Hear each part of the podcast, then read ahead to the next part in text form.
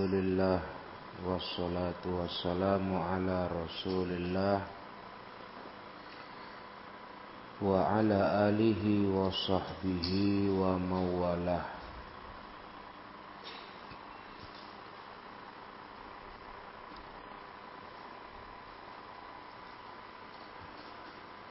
Sudah kita baca Bab ke-184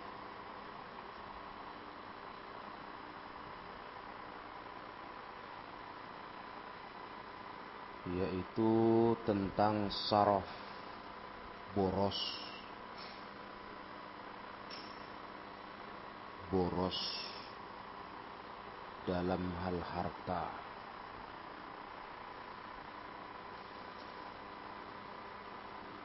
Dalam hadis istilahnya idoatul mal. Buang-buang harta Maksudnya harta itu dipakai tidak sesuai maksud tujuan. Itu namanya israf. Dan itu sangat dibenci Allah. Maka pada pelajaran yang lalu kalian sudah dinasihati Jangan buang-buang harta. Itu perbuatan dibenci Allah.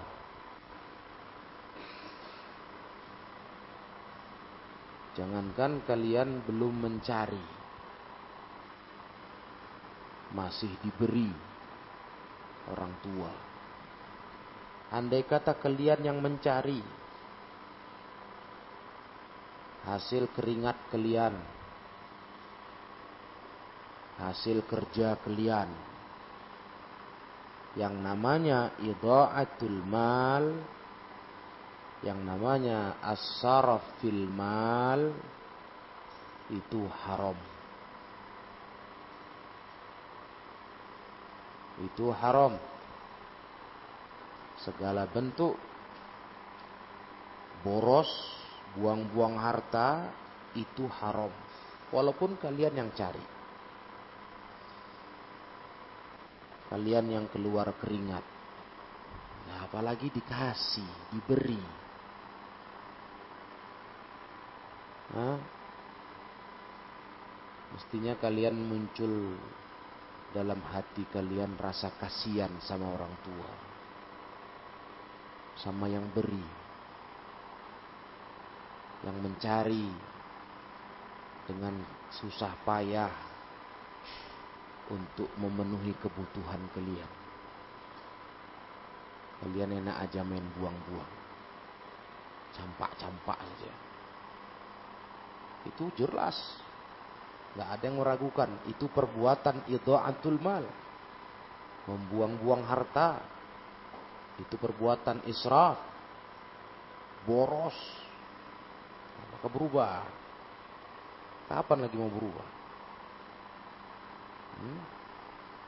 Apalagi kalian sudah sering kali mendengar Allah yang berfirman, Innal mubazzirina kanu ikhwana syayatin.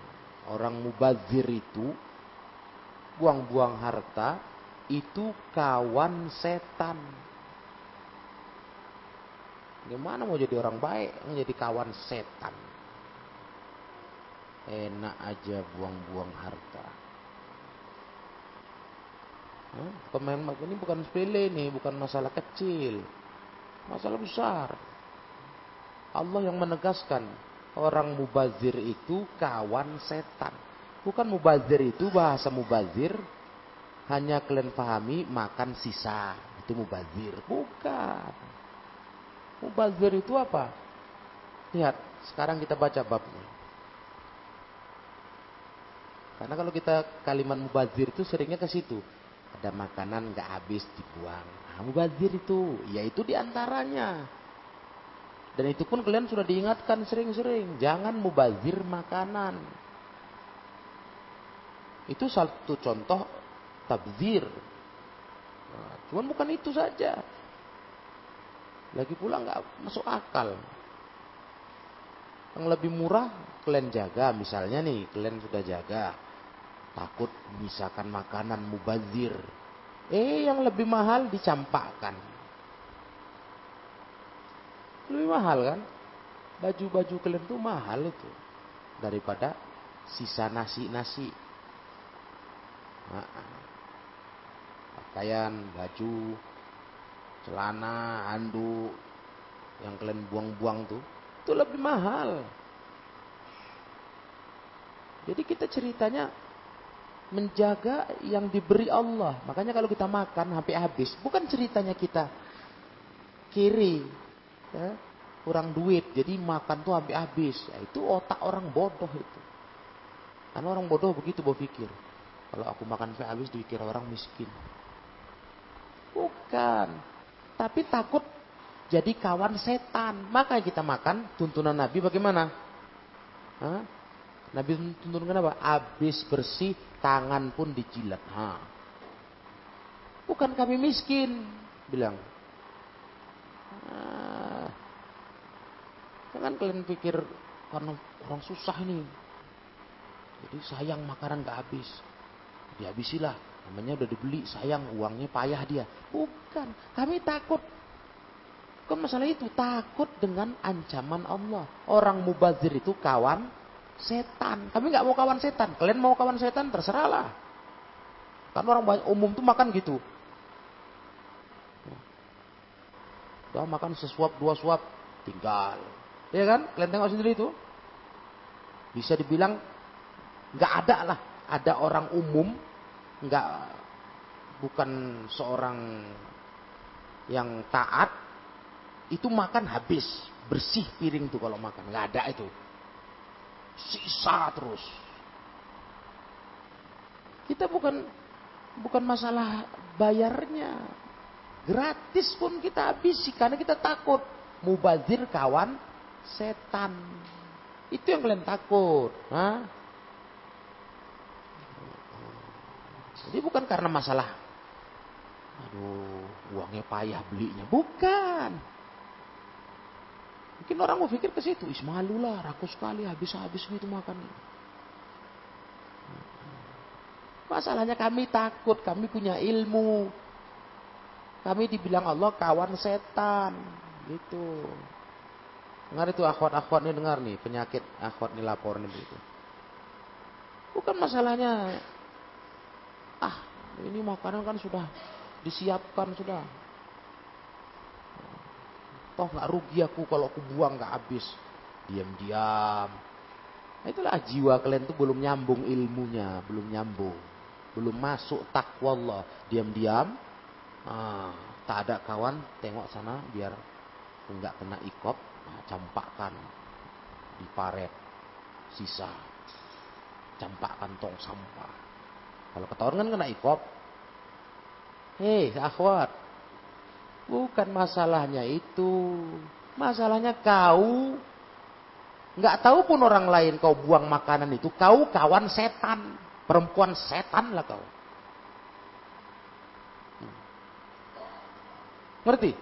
Masalahnya itu Allah yang bilang. Makanya makan tuh habis-habis. Kalau tahu ukurannya aku kenyang, taruh sikit. Jangan nggak habis tinggalkan, campakkan. Alah udah bayar uang makan kok aku. Bukan itu. Takut dosa kita, itu dosa. Iya kan? Itu mubazir. Itu kawan setan. Nah, itu masalahnya. Kalian pun gitu, laki-laki. Kan masalahnya takut ketahuan, nggak ketahuan. Paham ini semua? Begitu pula dengan bahan-bahan barang-barang kalian. Jaga itu, jangan dibuang-buang. Itu haram. Bukan peraturan pondok kita itu. Itu peraturan agama. Naam, peraturan agama. Dosa. Oh, dosa. Saling ingatkanlah kalian, eh mubazir kau bilang. kawan setan kau nanti. Kalau dia jadi kawan setan jadi apa nanti? Kau jadi khobais. Wal khubsu wal khobais. Setan jantan kau bilang. Sama kawan laki-laki. Ya kan? Akhwat bilang, kau setan betina. Hah? Mau kau jadi setan betina? Buang-buang makan kau. Nggak ada otak kau. Itulah jadi germe itu. Diam-diam buang, takut ketahuan. Ada pula mata-mata itu kerjasama. Oh, tengok-tengok aku buang. Loh, bukan masalah ketahuan nggak ketahuan. Tapi dosanya. Kau mubazir. Kau jadi kawan setan. Kalau kau perempuan, kau jadi setan betina. Nah, gitu masalahnya. Takut kita, bukan masalah ada hukuman, ada peraturan enggak. Kalau karena itu, gawat lah. Di sini kalian ada peraturan. Kalau sempat kalian di rumah, nggak ada yang ngatur. Apalagi udah dewasa, udah jadi orang gede, besar, nggak ada yang ngatur, hancurlah kalian. Nggak tahulah kalian agama ini sudah. Main buang-buang aja lah itu. Suka-suka hati. Makan di luar, di rumah. Sisa-sisa belemak-lemak kayak orang nggak beragama. Tinggal, pergi. Hidup kau jadi orang nggak diberkahi Allah. Jadi kawan setan. Itu ayat kan? Innal mubazirina kanu ikhwana syayatin. Ya kan? Mubazir itu orang mubazir kawan setan. Jadi habis-habis lah. Kalau sebutir nasi, perhatikan. Bukan masalah tadi itu. Kita nggak bisa beli kalau mau nasi lagi. Bukan. Tapi itu masalah agama. Nggak usah malu-malu, nggak usah sok sok jaim jaga image. Kalau makan di warung, oh malu. Di pondok pandai dia bersih-bersih di warung, aduh tengok orang masa sampai bersih licin piringnya. Alah, sisakan sedikit-sedikit gitu. Astagfirullah. Apalah kalian gengsikan. Menegakkan Islam kok malah kayak gitu. Setengah hati. Taunya ini bukan sunnah loh ya. Bukan sunnah. Bukan hukumnya sunat. Ini masalah wajib habis. Sisa mubazir. Mubazir kawan setan. Bukan masalah amalan sunat. Alah sunat aja kok itu ngabisinya. Enggak. Bukan. Ditambah Nabi pernah bersabda. Sudah lewat pelajaran kita. Apa kata Nabi waktu menyuruh kita makan sampai habis? Fa innakum matadrun fi ayyi ta'amikumul barokah.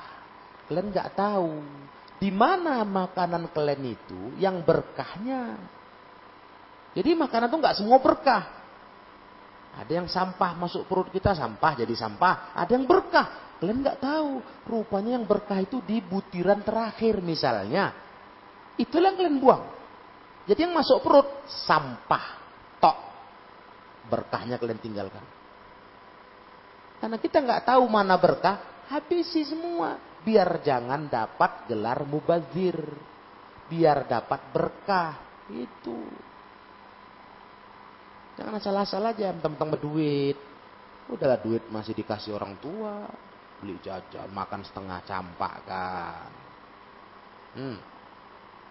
Aduh, gimana lah kalian.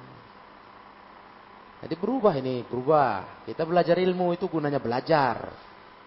Kalau nggak berubah ngapain belajar? Hah? Karena target kita belajar di pesantren apa? Beda sama sekolah umum kamu. Sekolah umum kalian belajar bukan ilmu, tapi ijazah. Ya kan? Sekolah kau SMA, SMP, bukan materi ilmunya, mana ada itu. Tapi ijazahnya. Biar ada ijazah, kalau mau kuliah, bisa kuliah. Itu intinya. Bukan, bukan keilmuannya ada itu. Tapi kalau kita di sini bukan cari itu. Kita cari ilmunya untuk merubah diri. Ngerti? Makanya mau mau kalian tuh berubah. Makin hari berubah, bukan makin amburadul. Dapat ilmu mubazir makin hampun-hampun buang-buang barang. Sadarlah. Hah? nampak mulai nampak buang-buang lagi ingatkan kawan-kawanmu panggil hei Siapa yang mau kawan setan? Ada yang mau kawan setan kalian? Ambil barang kalian nih. Lain ceritanya udah nggak layak pakai, koyak, nah, entah pula. Ini layak pakai. Cantik, cuma malas ngurus itu yang masalahnya. Malas ngurus. Bukan nggak layak pakai. Cantik. Dicuci bersih, dipakai, masya Allah. Ya kan? Tapi kalian malas ngurus. Karena tadi penyakitnya tadi belum sadar diri mubazir itu dosa. Coba lihat ini mubazir itu apa tadi? Yang tadi kita udah tekankan kan bukan masalah nasi sisa mubazir. Enggak. Tapi babul mubazirin, bab mubazir, orang mubazirin itu an abil an an abil ubaidaini qala sa'altu Abdullah wa huwa Mas'udin 'anil mubazzirin dari Abi Al-Ubadain dia berkata aku tanya Abdullah yaitu Ibnu Mas'ud. Abdullah bin Mas'ud tentang siapa mubazzirin yang dibilang orang mubazzirin siapa itu? Qala alladzina yunfikuna fi ghairi haqqin. Orang yang membelanjakan hartanya tidak dengan benar tidak tepat. Itu mubazir. Bukan hanya buang nasi kan? Sisa makan bukan. Siapa memakai hartanya dibelanjakannya tidak tepat tujuannya. Nggak betul. Mubazir itu itu buang-buang harta walaupun nggak dibuang siap dibeli nggak dibuang nggak cuma memang pokoknya beli beli beli nggak tepat sasarannya nggak perlu ini mubazir. Kadang-kadang itulah penyakit manusia ya. Alhamdulillah lah kita. Indonesia ini Masya Allah. Ya mungkin faktornya. Memang kita kaum muslimin lebih banyak ya kan. Kalian tahu di negeri kafir. Negeri kafir.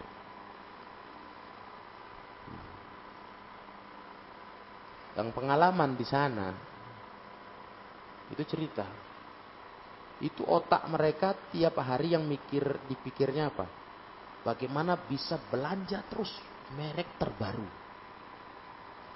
Apakah itu pakaian, sepatu, tali pinggang, sampai peralatan elektronik, handphone. Jadi walaupun yang lama ada, bagus, enggak, enggak bisa. Jadi hidup mereka begitu dan di sana dibantu dengan kredit, ngutang cicil. Gitu hidup mereka. Ya maklum, memang orang kafir itu begitu. Yang penting di dunia ini dia harus bahagia. Bahagia mereka begitu. Makanya Masya Allah ya mereka itu. Main begitulah modelnya. Sehingga barang mereka itu banyak betul masih bagus. Sudah tak terpakai. Itu yang dikirim ke Indonesia. Monja. Tahu Itulah sejarah Monja. Makanya Monja itu dari negara negara luar datangnya baju bekas, sepatu bekas, ya kan? Itu kalau nggak di stop, nggak ada larangan dari pemerintah Indonesia, itu berbal-bal itu, puluhan ratusan bal masuk. Akhirnya dilarang pemerintah karena merusak ekonomi. Nah, proteslah tukang buat sepatu Sukarami misalnya. AS Ajo Sukarami Made in AS Dikira orang Amerika Rupanya Ajo Sukarami Protes Payah jual sepatu Kan orang cari monja. Nah nanti yang jual baju Protes. Ya, Baju luar negeri kan cantik-cantik. Bermerek-merek. Ya baju kena oh banyak kali. Itu kalau masuk kapal Dari luar negeri ke mana ke Belawan, ke Tanjung Bali, itu ratusan bal. Berbagai macam, sampai sempak sekan banyak. Gak peduli apa saja ya dari luar negeri itu. Karena mereka begitu pola hidupnya. Enggak, ah, sudah memang mereka Mereka bukan kawan setan, setan-setan semua. Iya kan? Itu jangan ditiru. Begitulah model mereka. Hari-hari pikiran mereka itu saja. Bagaimana beli merek baru? Kalau kita enggak, alhamdulillah. Alhamdulillah. Makanya enggak ada kalian kalau ke luar negeri cari monja Indonesia enggak ada. Itulah. Alhamdulillah. Mestinya begitu kaum muslimin ini. Jangan gila merek. Model baru, beli merek baru, pantang keluar merek baru, ganti, beli. Oh, stres dengan itu aja mereka tuh, tahu Dipermudah dengan kredit itu. Jadi biaya hidupnya tinggi. Besar. Karena gaya hidupnya ngeri.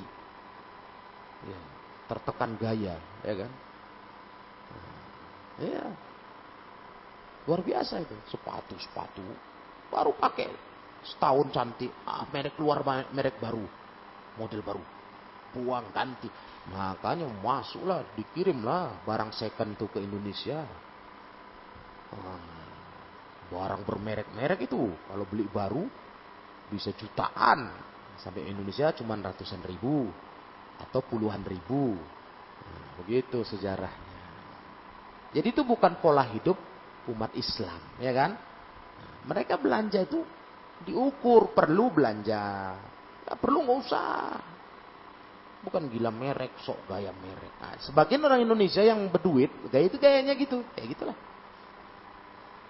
Hmm.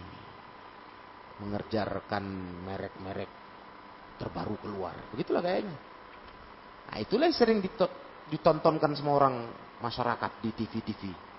Oh si fulan, artis fulan, artis fulana, masya Allah punya tas begini begini. Nah itulah yang dicontohkan. Pikir orang, wah mantap kali hidupnya ya, sedap kali kepingin beli ini, beli beli beli. Uh, masya Allah koleksi tasnya berlemari-lemari, koleksi tasnya itu bukan tas buatan Sukarame loh, tau gak? Itu tas masya Allah sekian puluh juta Ya. So, koleksi sepatunya, satu lemari. Bukan sepatu sembarangan itu, bukan puluhan ribu. Satu sepatu juta-jutaan terus. Begitu model mereka. Nah, jadi pola hidup pola hidup begitu memang bukan pola hidup umat Islam harusnya. Itu gaya kafir-kafir di luar sana, Eropa. Begitulah. Nah yang gaya yo hidupnya begitu. Glamor istilahnya.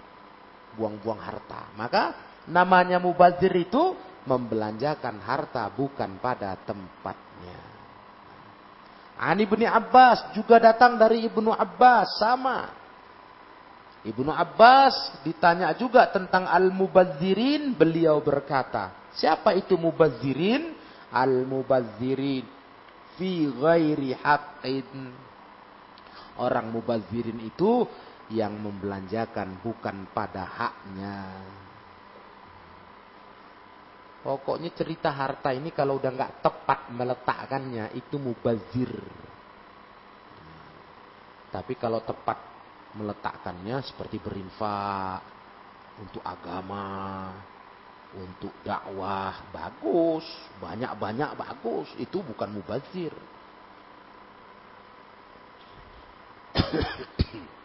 Kalau mubazir itu nggak pada tempatnya. Hambur-hambur harta kata orang. Buang-buang harta. Nah, ingatlah wahai manusia, kalaupun kau berharta, banyak duitmu, itu dikasih Allah. Betul. Yang ngasih Allah itu. Jangan kau lupa diri, jangan kau pikir Allah, aku yang cari. Jangan, itu dikasih Allah. Kalau Allah nggak kasih, kau miskin. Kau nggak punya harta. Kau susah. Kadang-kadang manusia ini lupa diri, merasa dia yang kerja. Banting tulang katanya. Jadi banyak hasil duit, aku mau foya-foya. foya-foya ya kan pengen makan enak-enak duduk di restoran makan pesan semua. Kalau dihabisin nggak apa-apa, ini di comot-comot sikit-sikit aja. Astagfirullah. Ya kan? Ambil comot sedikit makan. Dah. Dua per tiga. Tinggal. Siap. Berapa bonnya? Bayar. Astagfirullah. Aduh, kau sadar kau hai manusia. Itu yang ngasih rizki itu Allah. Yang kau makan tuh dari Allah. Kau suka-suka hati kau buang-buang harta. Buang-buang makan. Kan gitu gayanya itu. Orang-orang sok sok kaya kita bilang. Sebenarnya sok kaya itu. Nah, kita ini semua miskin. Yang kaya itu Allah, ya kan?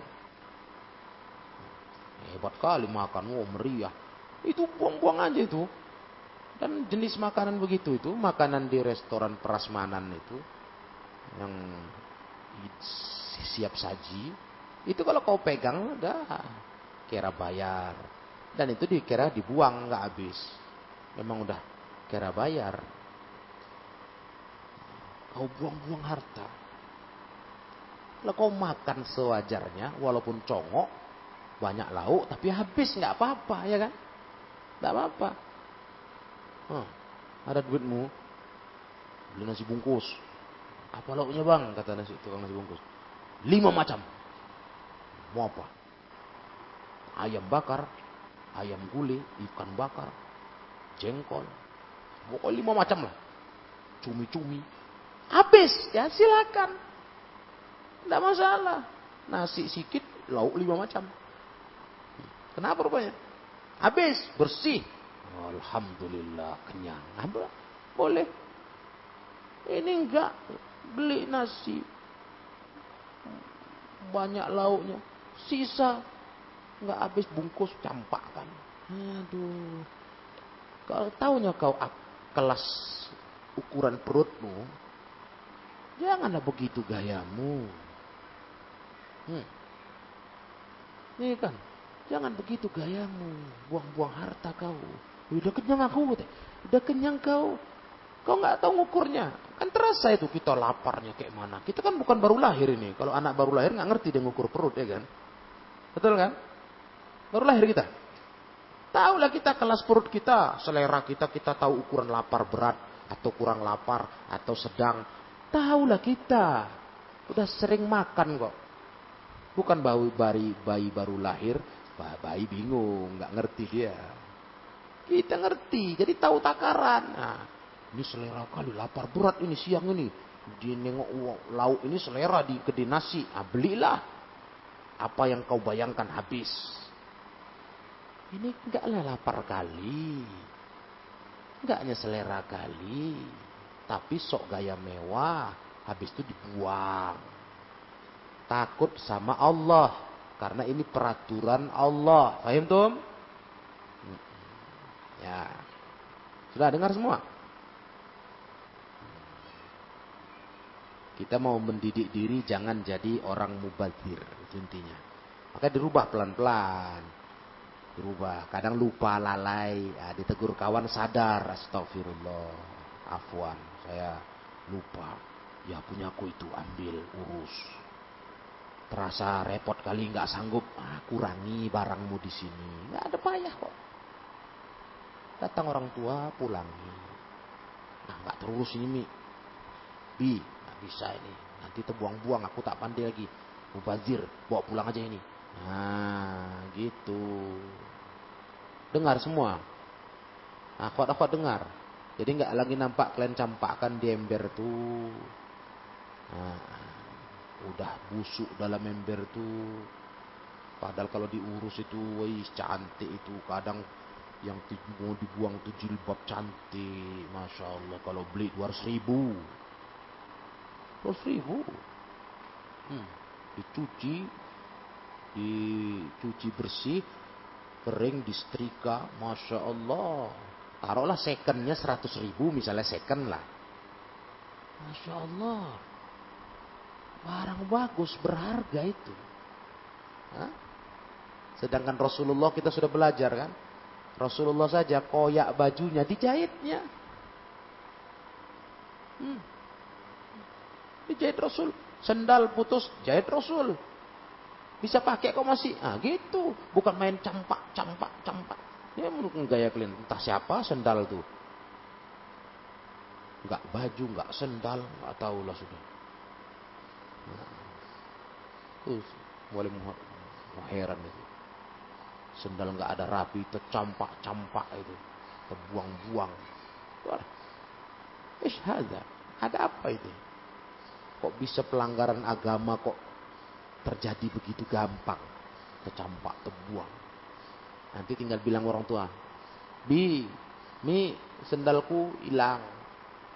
Beli baru. Padahal sebenarnya nggak hilang, cuma diabaikannya, disia-siakannya. Belum kena si tukang lempar sendal siapa nih? Nah, melayang-layang sendal tuh ke mana-mana. Dah, lenyap. Astagfirullah. Ubah kalian. Kalau merasa nggak perlu bersendal di areal pondok, sendalmu itu simpankan di lemari. Nah ini, kecuali aku mau keluar nanti, mau pulang, mau keluar pagar misalnya, mau ngurus sampah. Nah, kalau nggak aku simpan lah ini, nggak bisa ini. Ini buang-buang harta, begitulah. Ini gua banyak kali itu. Hmm? Mudah kesannya jorok, itu mubazir. Nah, ya. Jadi berubah kalian untuk kebaikan ini. Supaya kalian jangan jadi manusia-manusia yang dibenci Allah. Karena Allah benci. Itu pelajaran kita 100 bab 184. Allah benci tiga perkara. Salah satunya buang-buang harta. Allah benci. Orang mau kalian, eh miskin kali dia itu. Selop aja dibetul-betulin katanya. Baju koyak dijahit-jahit. Biar aja. Nabi kita aja nggak malu. nggak merasa rendah. Nah, biar aja dia ngomong gitu. Ya kan? Makan kok habis-habis tuh dilirik kita. Makan.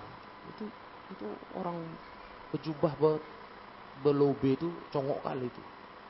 Miskin kali kesian. Gitu. Sampai licin tuh piringnya. Mau, mau bersih lagi sudah. Masya Allah. Pas pula dia nengok kita jilat jari. Wih, katanya. Jilat jari. Ya Allah, jilat jari sih jijiknya di mana sih? Kau makan pakai tangan. Ya kan? Di mana salahnya? Hah, unik kali manusia ini. Memang setan punya kerja ini dibuatnya kita jangan mau mengamalkan Islam. Jangan, jangan. Rasulullah dengan tenang menjilat jari sisa makanan. Iya. Itulah manusia sekarang. Itu yang kalian turuti pelajaran tafsir semalam itu loh. Wala tuti'il kafirina wal munafikin. Jangan turuti, taati munafik orang kafir itu, jangan. Dia mau kita rusak agama kita. Yang penting kita sudah diajari kan. Kalau udah cocok berbuat dengan ilmu, jalan terus mau apa? Besok dia nengok kita gila jari, angkat kepalamu. Ha. Apa, apa, apa. Ha, nih, kata nih, ha. Apa? Kau pikir aku kiri? Hah? Kau pikir aku miskin buat gini? Ini agamaku ini. Nah, gitu. Mana tahu ada yang kurang ajar, berani dia terus ngetawain. Kalau mualim gitu, mualim datang itu. Berapa kau makan? Bon kau mana sini? Hmm, mau tambah lagi kok? Aku bayar. Kadang-kadang sok gaya kaya, sok berduit, kirinya dia tuh. Iya kan? Orang lain di di ejek-ejeknya, oh, disepelekannya. Kan kurang ajar itu. Sering gitu. Maka kita bukan malah malu, malah bangga. Ini Islam kami. Islam Nabi kami. Mau apa? Ini ada ajarannya. Kalian yang menjadi kawan setan aja bangga. Siap makan, makan sedikit, sisa. Ih, astagfirullah. Ngeri kali itu Ya, kayak istilahnya kayak makan tuh bukan lapar, syarat. Gimana enggak? Makanan sepiring, dua per tiga sisa, sepertiga jadi makannya. Hmm. Oh sisa bertumpuk-tumpuk nasi, sayur, daging. Dah, singkirkan, minum. Minum pun bukan habis. Mesti wajib sisa seperempat. Aduh. Padahal yang dibelinya jus, jus mahal ya kan. Jus, bukan air putih. Kurang ajar. Kurang ajar tuh. Dia aja bangga buat gitu. Bangga kawan setan, kita yang ngamalkan Islam jadi pengikut Nabi malu. Ya lucu. Dia buat jalan dosa bangga. Bangga itu siap makan sendok garpu gini kan. Wah, sisa. Jadi kali itu. Makan buahnya pisang. Kupas setengah aja, setengah. Buah. Pernah nengok gitu kalian? Hah? Nggak pernah, jarang. Karena jarang makan di restoran ya. Hah? Kadang kita makan pun jadi kurang selera, jadi gerem. Karena kita makan, nampak-nampak mereka makan. Telirik kita, ya kok gitu gayanya. Kau kalau nggak selera makan buah pisangnya, nggak usah kau sentuh. Ini gaya aja, buka setengah, makan setengah. Campakkan sisanya. Dia aja bangga, itu teorinya. Dia bangga menjadi kawan setan. Aku menjadi pengikut Nabi kok nggak bangga. Kita malah habis-habis, bersih-bersih. Mau apa? Nah, urusan apa aku sama kau? Lirik-lirik dia, lirik juga. Apa? Hmm, gitu aja kok susah sih. Gara-gara itu pula kalian melanggar syariat. Dia lirik-lirik aja hanya aku malu ya tengok-tengoknya makan kok habis-habis. Kayak rakus kali. Tidak, kita ini tahu ilmu, ya kan? Kami buat ini karena tahu agama. Haram ini sisa-sisa. Habis. Sudah, itulah pelajaran 185. Paham dong? Berubah ya? Ayo buat perubahan dan tegakkan nahi mungkar. Amar ma'ruf. Tegur kawan. Yang ditegur jangan marah, sadar. Jazakallah khair. Terima kasih kawan. Aku diingatkan. Lupa aku memang ini. Lalai kecampak barangku. Tak terurusku. Gitu. Urus terus. Pokoknya caranya udah mulai mengajari. Udah terurus merasa takut. Tercecer lagi. Tercampak. Berarti nggak bisa sanggup. Pulangkan. Bungkus rapi-rapi kasih sama orang tua, suruh bawa pulang. Selesai. Nggak payah kok. Hmm. Nggak, nggak payah kan? Yang penting jangan mubazir, jangan jadi kawan setan, itu aja. Dan jangan sebentar aja berubahnya. Teruslah. Karena kita mau nggak mau jadi kawan setan bukan sebentar, mau terus. Bukan sebentar ini aja. Terus mau berhenti dari kawan setan. Kelas? Coba kita lihat perubahannya. Saling ingat-ingatkanlah kalian. Apa saja barang kawan, apa saja harta kawan. Kalau mubazir dia ingatkan, nasihatkan. Eh, jangan. Ini punya siapa terbuang-buang. Ini cangkir siapa, ini piring siapa. Itu semua barangmu itu jangan kau sia-siakan. Mubazir. Nah, Berarti selesai sudah bab masalah boros dalam harta. Ya, boros dalam harta. Berikutnya 186 babu islahil manazil. Bab memperbaiki rumah, islah. Memperbaiki rumah. An aslam qala Kana Umar yaqulu 'alal mimbar, "Ya ayuhan nas, aslihu 'alaikum masawikum." Umar bin Khattab pernah berkhutbah di mimbar.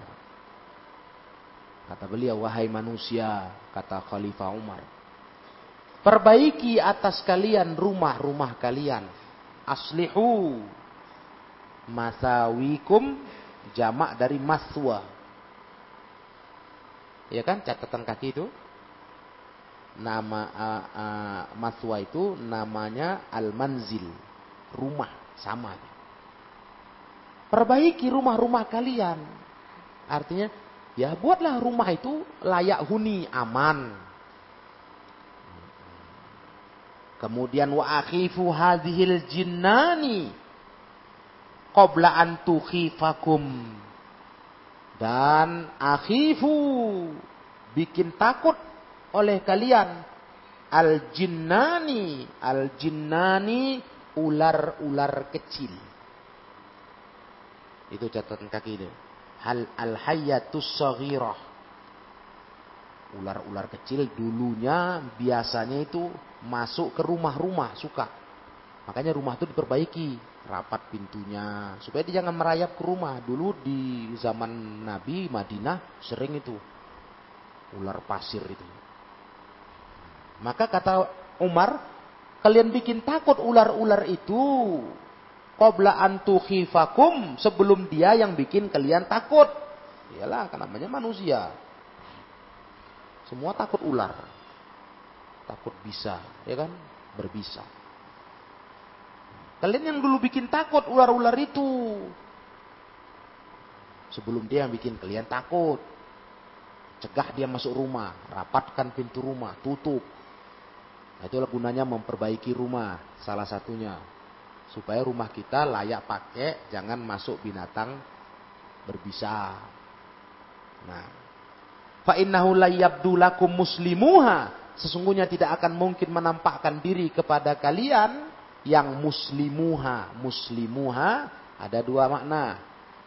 Yang pertama muslimuha yang ghairul mu'zi, yang tidak menyakiti. Ular yang gak jahat. Kalau ular yang nggak jahat itu nggak mau muncul nampakkan diri ke manusia. Itu makna muslim. Yang kedua memang muslim. Yang muslimnya. Karena ada kaitannya nanti kasusnya ular masuk rumah itu seringnya jin. Jin. Nah, kalau jin muslim dia nggak mau menampakkan diri. Nah, itu dia kalau jin muslim yang suka nampakkan diri itu jin kafir. Jin berubah jadi ular, bentuk ular. Nanti kita akan belajar ilmunya insya Allah. Wa inna wallahi dan kami demi Allah kata Umar, masalamnahunna munzu adainahunna kami nggak pernah salamna hunna berdamai dengan ular sejak kami adaina hunna memusuhi ular. Memerangi ular. Kami nggak pernah sama ular damai. Ular itu musuh. Harus dibunuh.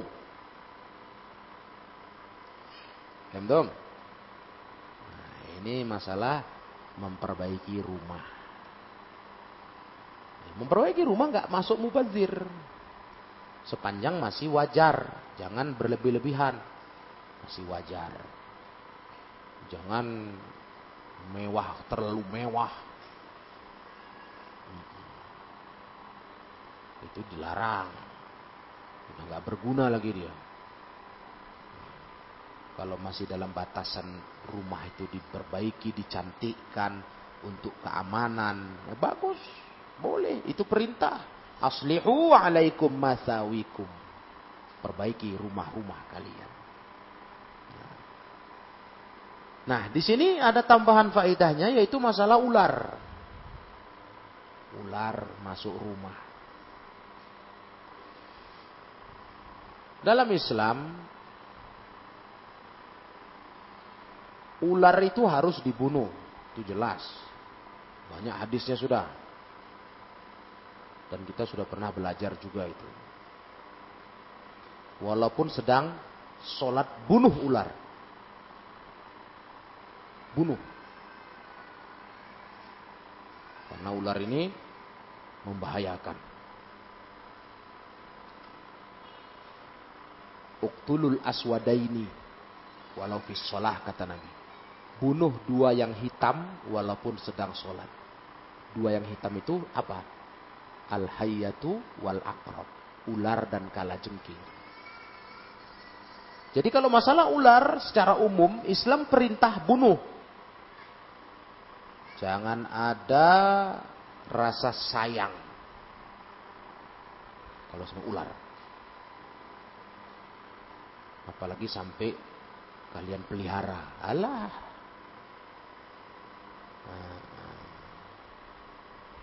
sayang ini ular cantik. Ya kan? Dia nggak ganggu. Wah, itu bahasa orang umum itu. Kan dia nggak ganggu. Nah, jadi ngapain dibunuh? Padahal dia udah nampak kamu, terlihat.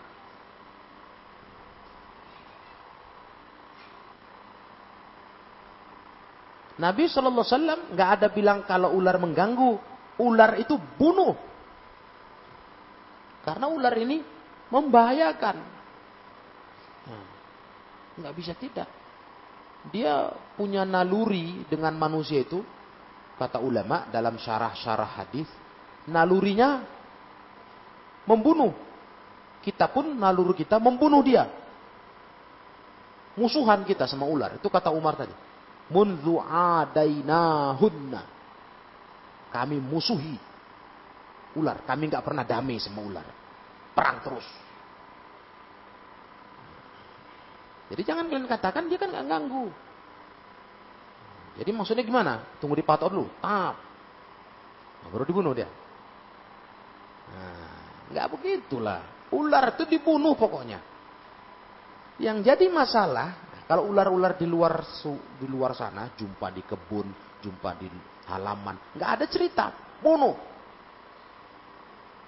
Jangan cerita kasihan, nggak ganggu. Jangan, ular itu nalurinya begitu sama manusia, menyerang. Hmm. ada lagi cerita itu. Apalagi udah jelas ular berbisa, ya kan? Ular kobra. Aduh, jangan dibunuh lah, panggil pawangnya saja. Apa? Itu sekali matok selesai kita. Mati terus, hitungan menit. Jadi jangan cerita-cerita, wah ini cantik ini, ini ularnya unik ini. Gak ada. Nah, namanya ular satu aja rumusan kita. Mati. Ketemu ular, mati kau. Hei ular. Ada lagi. Itu itu Islam. Ya. Nah, yang jadi masalah ular yang ada dalam rumah. Nah, itu yang jadi masalah. Ular di dalam rumah. Itu jadi masalah. Kenapa? Karena ular di dalam rumah itu di zaman Nabi SAW di Madinah kata Nabi jin di kota Madinah itu ada yang masuk Islam sudah nah, kemungkinan bisa jadi ular-ular yang masuk rumah itu penyerupaan jin-jin tersebut mungkin jadi karena ular itu sebetulnya nggak mau dia mendekati manusia karena dia Udah tahu naluri manusia dengan dia itu musuhan, membunuh. Jadi menghindar. Jadi kalau dia datang ke manusia, ke rumah, nah ini sebentar, jangan dibunuh langsung. Nah, karena ada kemungkinan dia itu jin. Jin menyerupai ular. Jadi pernah ada riwayat muslim. Ada dalam riwayat muslim, sahih muslim sahabat pernah cerita. Jadi waktu itu ada sahabat sholat. Ada, ada datang tamu. Ketika sholat, udah selesai, ditungguin lah ini sama tamu. Ketika beliau selesai sholat, kata tamunya, tamunya yang meriwayatkan, aku tengok kok ada yang bergerak-gerak di dekat tiang rumahnya. Apa ya? ku dekati, uh ular. Aku pun langsung menerkam mau ku bunuh. Tapi sahabat memberi isyarat. Jangan, duduk kau duduk, duduk. Jangan ganggu. Gitu. Aku pun duduk. Tapi bingung nih tamunya ini, gimana kok suruh duduk? Ini kan ular di rumah, bahaya ini. Begitu uh, sudah tenang, barulah sahabat cerita sama tamu ini. Ditunjuknya di depan rumahnya ada rumah. Itu rumah Ibnu Ammi. Anak pamanku. Di rumah itu ada cerita di zaman Nabi dulu. Rumah itu dipakai oleh seorang pemuda. Pemuda ini baru nikah. Baru nikah. Waktu itu perang Khandaq. Jadi perang Khandaq pemuda ini ikut perang keluar rumah. Tahu-tahu ketika sampai sama Nabi, dia ada perlu mau pulang ke rumah. Izin sama Nabi. Ya Rasulullah, aku ada perlu mau pulang dulu. Kata Rasul, ya sudah. Pulang kau jangan lupa bawa senjata. Nanti aku khawatir Bani Quraidah menyergap kau. Bawa senjata. Ya, dibawanya panahnya. Rumah. Rumah itu panah. Begitu dia pulang ke rumah, dia tengok di depan rumahnya itu istrinya lagi tegak. Itu aib. Perempuan itu kalau nggak izin suami jangan pernah muncul keluar rumah. Itu aib besar itu. Pelanggaran besar. Jadi keluar rumah dia pas dia pulang, yuk kok istriku di depan pintu? Tahu kalian? Dengarin ya akhwat. Sama sahabat ini diambilnya panah. Mau dipanahi bininya. Kurang ajar kau ya, keluar rumah kau. Begitu kan nih pakai panah. Kata istri, eh tunggu tunggu kata istri. Turunkan panahmu. Sebentar, jangan kau marah dulu.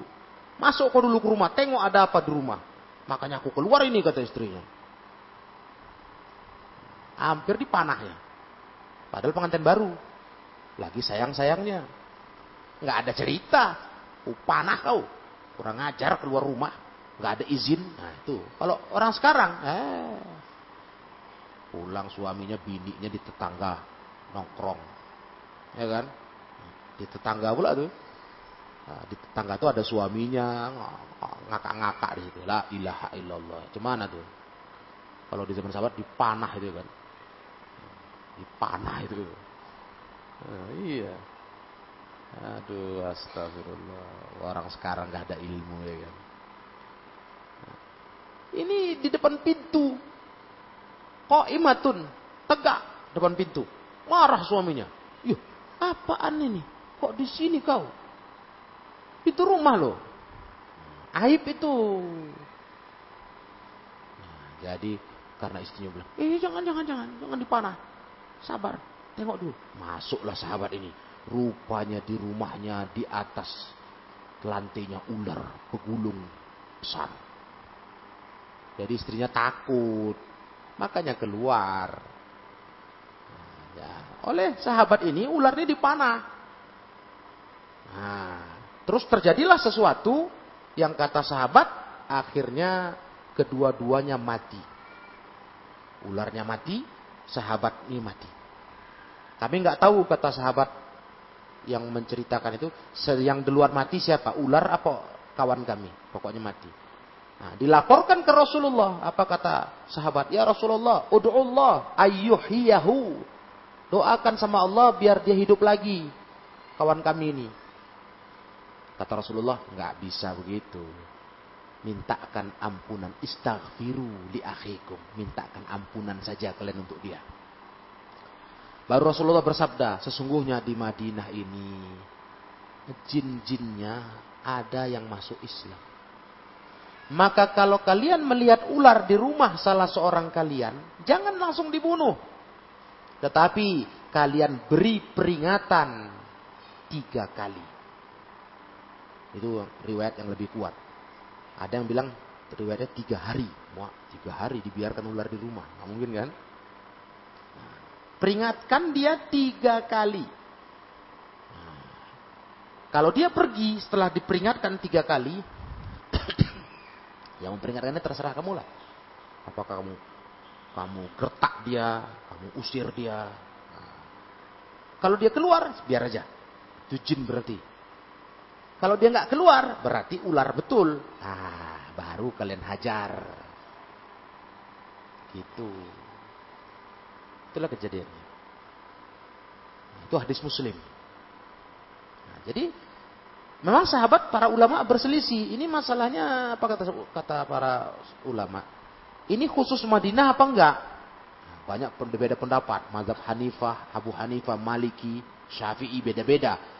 Ada yang bilang itu khusus kota Madinah. Yang kasus begitu, ular masuk rumah jangan dibunuh. Tapi pendapat yang terkuat itu berlaku di semua rumah walaupun bukan di kota Madinah. Kayak kita di sini, tahu ada ular masuk pondok kalian. Jangan langsung dikeroyok, dibunuh, uh, langsung kalian keluarkan senjata-senjata pamungkas. Pentungan-pentungan keluar ya kan. Nah, yang tukang main mancis-mancisnya keluar ya kan. Mau dibakar ya ular itu entah apa-apa sudah. Jangan langsung dikerjai ular itu. Nah, tapi kalian kasih peringatan dia dulu. Digertak dia. Pergi. Tiga kali nggak pergi, habisi. Sikat itu, nggak ada cerita. Itu ular biasa. Nah gitu. Kecuali, nah, ada pengecualian. Dua jenis ular kata ulama. Yang pertama ular yang pada punggungnya ada garis hitam dua. Garis hitam dua. Itu yang pertama. Yang kedua, ular ekornya buntal. Apa buntal? Pendek ekornya pendek, nggak normal panjang kayak ular. Kayak ekornya pendek gitu. Nah. Kenapa begitu? Dalam hadis sahih, dua jenis ular ini, kata Rasulullah, bisa menyebabkan satu, membutakan mata. Yang kedua, membuat ibu hamil keguguran. Itu jahat dua ular ini. Itu dalam hadis sahih bisa membuat orang buta jadi buta kita nengok itu. Yang kedua, ibu lagi hamil gugur anaknya. Jahat kan? Nah, itulah dua jenis ular ini. Satu ularnya hitam, ada garis hitam di punggungnya. Yang kedua ular ekor pendek. Kalau itu nampak di mana pun sikat itu. Lumatkan terus. Walaupun di rumah. Itu yang jelas itu kalaupun dia dikatakan jin, jin kafir kata ulama. Kafir tuh. Kalau muslim itu tadi ular nyasar tadi. Nah, itu kalian suruh pergi. Kalian gertak pergi. Ya pergi dia. Nah, jangan dikejar lagi. Ya. Tapi kalau ular biasa, kamu suruh pergi, dia nggak pergi. Nah, itu ular biasa, bunuh, pukul, bunuh itu, itu masalah ular dalam riwayat yang sahih. Jadi ada orang mengartikan Pak Zanu salasa. Azani tiga kali. Salah, bukan di azani. Ada orang bilang gitu. Jadi kalau ada ular di rumah, azan dulu kita tiga kali. Tuh. Hah? Dari Allah Akbar sampai La ilaha illallah. Ulang lagi. Oh, ulang lagi tiga kali. Nah, kalau dia nggak pergi, bunuh katanya. Ada yang bilang lagi, izinkan tinggal tiga hari. Loh, macam mana rumah ada ular kita mau tidur ya? Iya, jangankan ular besar, ular kecil pun kita nggak bisa tidur. Namanya ular, ular ini gimana gitu? Jelas membahayakan lah sudah. Bagaimana pula sempat yang di rumah itu ular apa? Uh, ular sawah sebesar itu. Macam mana mau dibiarkan tiga hari? Izinkan tiga hari. Jadi semua penafsiran itu yang tepat apa? Beri peringatan. Anziru kata ulama. Inzar. Beri peringatan. Tiga kali. Tiga kali. kalau dia pergi, berarti dia ular jin. Jin muslim. Yang nggak ganggu. Biar aja. Nah. Paham semua? Itu masalah ular. Dan intinya jangan ada pula yang terus berpikir, ada kasihan ini cantik. Pelihara aja. Sibuk cari kotak. Jangan macam-macam kalian. Itu disuruh agama. Makanya nggak ada kita itu diajari melihara ular. Banyak hobi miara binatang kalau kalian mau. Jangan ular. Ular itu disuruh bunuh, ya kan? Hah? Paham nih? Bukan dipelihara. Sampai dikoleksi banyak jenis. Ular ini, ular itu. Waduh. Ada yang cantik katanya ular albino. Tahu albino? Nah, ular itu warnanya putih. Nah, kalaupun ada belangnya ada kuning-kuning gitu. Pokoknya ular itu enggak, biasa kan ular warna hitam. Rata-rata coklat, hitam, gelap lah. Ini putih. Oh cantik. Sedap kali pegang, dipeluk-peluk. Ya Allah ya Rabbi. Ular pun punya hati katanya. Dia tahu kalau kita sayang. Alah, alah. Padahal banyak kasus sudah orang yang melihara ular tuh matinya dihajar ular, betul? Udah banyak. Hah, banyak beritanya udah banyak itu. Ada anak muda, pernah satu berita anak muda, dia melihara ular kobra dari kecil. Dan ada komunitas pecinta ular. Di setiap kota ada, Medan pun ada. Nah ini kejadiannya di Surabaya.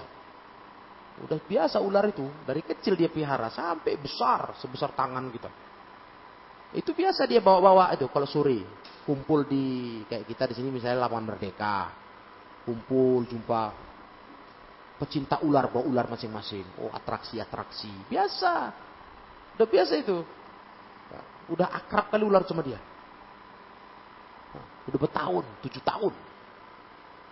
Anak ini miara ular. Kobra pun udah besar. Pas dia ngobrol-ngobrol di wawancara, nah, ular tuh di sebelah dia. Masih begini, namanya ular kobra. Tangan dia naruh gini, orang terduduk-duduk ya kan. Nah, di patoknya. Nah, itulah katanya punya hati ya kan. Hati membunuh. Ya, karena dia biasa sama ular, ditengoknya bekas patokan, dibiarkannya aja. Oh, nggak apa-apa. Mungkin ya kalah malu juga ya kan, ada orang rame. Nah, masa ular ini nyerang tuannya? Ah, nggak apa-apa ini katanya. Belum sempat pulang, udah pingsan dia. Bisanya langsung jalan terus. Dilarikan ke rumah sakit, mati. Udah keburu bisanya menyerang jantung. Mati keluarganya gerem kali ular tuh di ularnya pun lari. Sempat lari dicari keluarganya. Gerem kali. Padahal selama ini ularnya disayang tujuh tahun dipiara begitu dapat dibunuh dipecahkan kepala terlambat ya kan? Udah diambilnya nyawa anak kalian mana ada? Ular itu makanannya balok udah. Ngerti? Jadi nggak usah sok-sok unik-unik kalian. Kadang kalian datang uniknya kan. Nah, sayang. Kayak dapat burung nyasar bolehlah disimpan. Burung nggak apa-apa. Ular pula ditaruh pondok nanti disimpannya di kota. Akuarium bekas ditaruhnya. Masya Allah cantik. Aduh. Jangan macam-macam ya. Ular kita bunuh. Kalau dia seperti tadi. Di luar. Nggak di rumah. Kalau di rumah apa tadi? Kasih peringatan tiga kali. Nggak mau sikat. Nggak ada cerita. Bono. Dengar, nggak ada sayang-sayang ya. Jangan disayang-sayang binatang satu itu. Dia itu jahat. Itu Islam. Walaupun kau lagi sholat bunuh. Bahkan satu riwayat. Lagi berihram. Berihram. Bayangkan. Orang yang berihram itu kan pantangannya banyak. Nabi suruh bunuh ular kalau kalian jumpa ular. Walaupun berihram. Berihram. Ihram haji ihram umroh. Ada ular bunuh. Nggak ada cerita. Dah begitulah pelajaran kita. Dan berlomba kalian membunuhnya karena berpahala. Ya jangan malah ada yang mencegah. Sayang jangan jangan. Jangan. Kawan bunuh yang satu narik-narik. Jangan jangan jangan kadang ada ada manusia ini. Ingat ilmunya, ini bukan perasaan. Dan ular tuh begitu sifatnya, nggak ada cerita. Ya, ada cerita. Banyak kita baca-baca orang miara ular sampai ada sebesar pohon pinang besarnya. Di rumahnya itu ada 12 ekor. Sebesar pohon pinang. Oh. Boleh tengok itu. Ngeri kan? besar ya. Itu ular udah jinak kali katanya. Ya tetap aja. Mungkin dia jinak karena sementara ini, selama ini cukup makannya. Makannya ayam. Ya, tercukupi. Nah, tiba dia lapar, lupa dikasih makan. Tuannya dimakan nanti. Dimakannya. Dibelitnya dimakannya. Orang dia ular piton. Ular besar. Kalau di luar negeri kejadian itu. Ya dibelitnya dimakannya tuannya. Telannya. Ya, biasa itu. Nah, jadi begitu, jangan macam-macam lah. Namanya ular tuh bukan disayangi, dibunuh. Kalau dia mau hidup di hutan, jangan ganggu kita, jangan nampak, eh terserah. Kalau nampak kita, jangan cerita. Bunuh. Alas? Nah. Ya sudah, ilahuna sampai di sini pelajaran kita. Dua bab tapi belum selesai ya, belum selesai masalah rumah ini, masih ada lagi. Ada perlu kita harus lanjutkan memang. Ada ilmu jangan rumah terlalu megah-megah nggak karuan. Itu mubazir juga. Nah, wallahu a'lam bisawab. Ya, sebelum mulai akhiri,